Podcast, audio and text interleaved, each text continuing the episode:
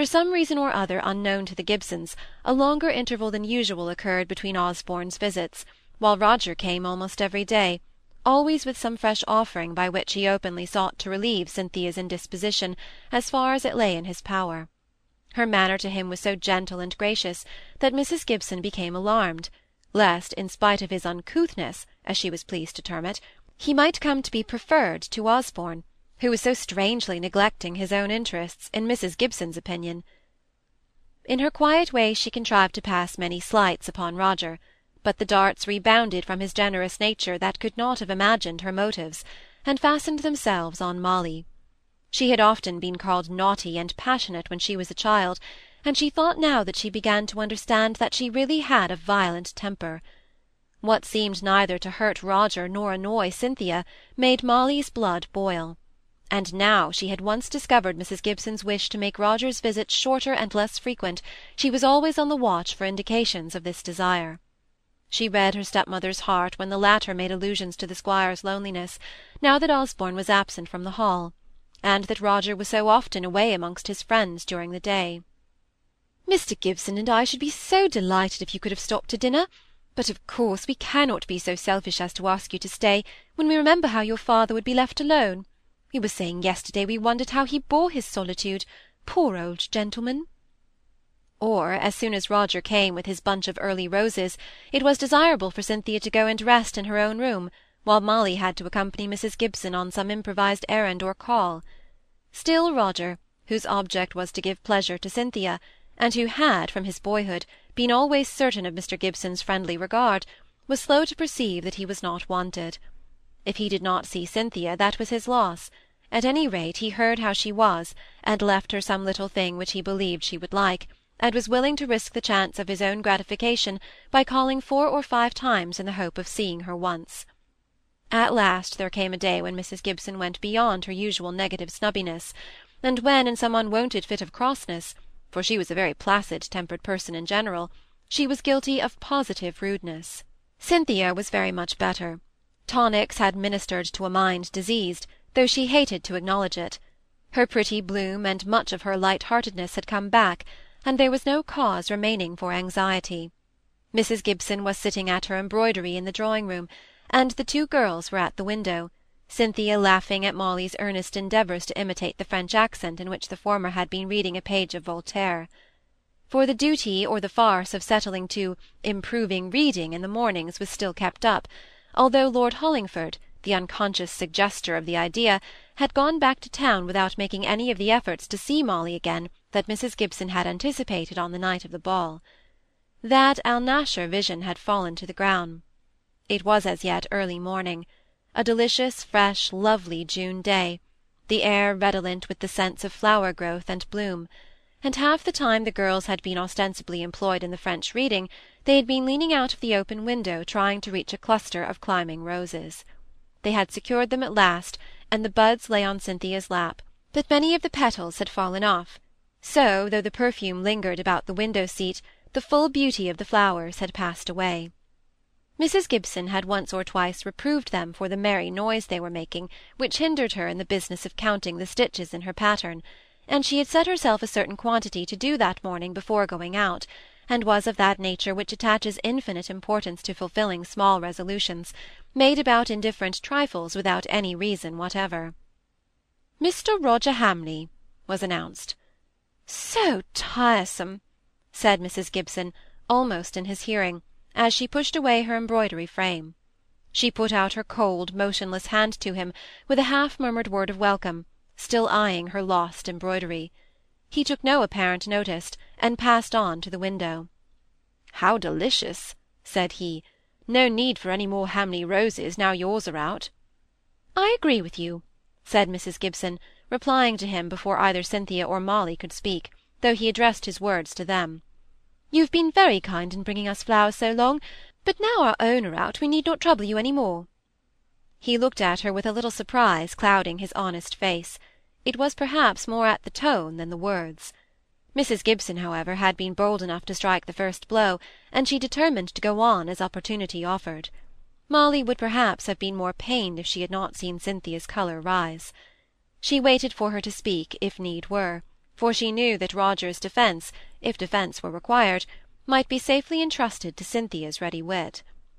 He put out his hand for the shattered cluster of roses that lay in Cynthia's lap. "At any rate," said he, "my trouble, if Mrs. Gibson considers it has been trouble to me, will be overpaid if I may have this." "Old lamps for new," said Cynthia, smiling as she gave it to him. "I wish one could always buy nosegays such as you have brought us, as cheaply." "You forget the waste of time that I think we must reckon as part of the payment," said her mother. Really, Mr. Hamley, we must learn to shut our doors on you if you come so often, and at such early hours. I settle myself to my own employment regularly after breakfast till lunch-time, and it is my wish to keep Cynthia and Molly to a course of improving reading and study, so desirable for young people of their age, if they are ever to become intelligent, companionable women. But with early visitors it is quite impossible to observe any regularity of habits. All this was said in that sweet false tone which of late had gone through Molly like the scraping of a slate pencil on a slate. Roger's face changed, his ruddy colour grew paler for a moment, and he looked grave and not pleased. In another moment the wonted frankness of expression returned. Why should not he, he asked himself, believe her? It was early to call; it did interrupt regular occupation. So he spoke and said, I believe I have been very thoughtless. I'll not come so early again. But I had some excuse to-day. My brother told me you had made a plan for going to see Hurst Wood when the roses were out, and they are earlier than usual this year. I've been round to see. He spoke of a long day there, going before lunch. The plan was made with Mr. Osborne, Hamley. I could not think of going without him," said Mrs. Gibson coldly. I had a letter from him this morning, in which he named your wish, and he says he fears he cannot be at home until they are out of flower. I dare say they are not much to see in reality, but the day is so lovely I thought that the plan of going to Hurstwood would be a charming excuse for being out of doors. Thank you. How kind you are, and so good, too, in sacrificing your natural desire to be with your father as much as possible. I am glad to say my father is so much better than he was in the winter, that he spends much of his time out of doors in his fields. He has been accustomed to go about alone, and I, we think that as great a return to his former habits as he can be induced to make is the best for him. And when do you return to Cambridge? There was some hesitation in Roger's manner as he replied, It is uncertain. You probably know that I am to be a Fellow of Cambridge now. I hardly yet know what my future plans may be. I am thinking of going up to London soon. Ah, London is the true place for a young man said Mrs. Gibson with decision, as if she had reflected a good deal on the question. If it were not that we are really so busy this morning, I should have been tempted to make an exception to our general rule. One more exception, for your early visits have made us make too many already. Perhaps, however, we may see you again before you go. Certainly I shall come, replied he, rising to take his leave, and still holding the demolished roses in his hand. Then, addressing himself more especially to Cynthia, he added, "My stay in London will not exceed a fortnight or so. Is there anything I can do for you? Or you?" turning a little to Molly. "No, thank you very much," said Cynthia very sweetly, and then acting on a sudden impulse, she leant out of the window and gathered him some half-opened roses. "You deserve these. Do throw that poor shabby bunch away." His eyes brightened, his cheeks glowed. He took the offered buds, but did not throw away the other bunch. At any rate, I may come over after lunch is over, and the afternoons and evenings will be the most delicious time of day a month hence. He said this to both Molly and Cynthia, but in his heart he addressed it to the latter. Mrs. Gibson affected not to hear what he was saying, but held out her limp hand once more to him. I suppose we shall see you when you return, and pray tell your brother how we are longing to have a visit from him again. When he had left the room, Molly's heart was quite full. She had watched his face, and read something of his feelings, his disappointment at their non-acquiescence in his plan of a day's pleasure in Hurst Wood, the delayed conviction that his presence was not welcome to the wife of his old friend, which had come so slowly upon him. Perhaps, after all, these things touched Molly more keenly than they did him. His bright look when Cynthia gave him the rosebuds indicated a gush of sudden delight more vivid than the pain he had shown by his previous increase of gravity. I can't think why he will come at such untimely hours," said Mrs. Gibson, as soon as she heard him fairly out of the house. "It's different from Osborne. We are so much more intimate with him. He came and made friends with us all the time this stupid brother of his was muddling his brains with mathematics at Cambridge. Fellow of Trinity, indeed! I wish he would learn to stay there, and not come intruding here, and assuming that because I asked Osborne to join in a picnic, it was all the same to me which brother came. In short, mamma, one man may steal a horse, but another must not look over the hedge," said Cynthia, pouting a little. And the two brothers have always been treated so exactly alike by their friends, and there has been such a strong friendship between them, that it is no wonder Roger thinks he may be welcome where Osborne is allowed to come at all hours," continued Molly, in high dudgeon. "Roger's muddled brains, indeed! Roger stupid!" "Oh, very well, my dears. When I was young it wouldn't have been thought becoming for girls of your age to fly out because a little restraint was exercised as to the hours at which they should receive the young men's calls and they would have supposed that there might be good reasons why their parents disapproved of the visits of certain gentlemen, even while they were proud and pleased to see some members of the same family.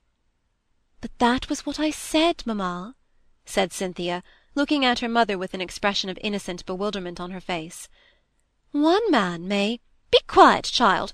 All proverbs are vulgar, and I do believe that is the vulgarest of all. You are really catching Roger Hamley's coarseness, Cynthia. Mamma, said Cynthia, roused to anger. I don't mind your abusing me, but Mr. Roger Hamley has been very kind to me while I've not been well. I can't bear to hear him disparaged. If he's coarse, I've no objection to be coarse as well, for it seems to me it must mean kindliness and pleasantness, and the bringing of pretty flowers and presents. Molly's tears were brimming over at these words. She could have kissed Cynthia for her warm partisanship but afraid of betraying emotion and making a scene, as Mrs. Gibson called any signs of warm feeling, she laid down her book hastily, and ran upstairs to her room, and locked the door in order to breathe freely. There were traces of tears upon her face when she returned into the drawing-room half an hour afterwards, walking straight and demurely up to her former place, where Cynthia still sat and gazed idly out of the window, pouting and displeased. Mrs. Gibson, meanwhile, counting her stitches aloud with great distinctness and vigour.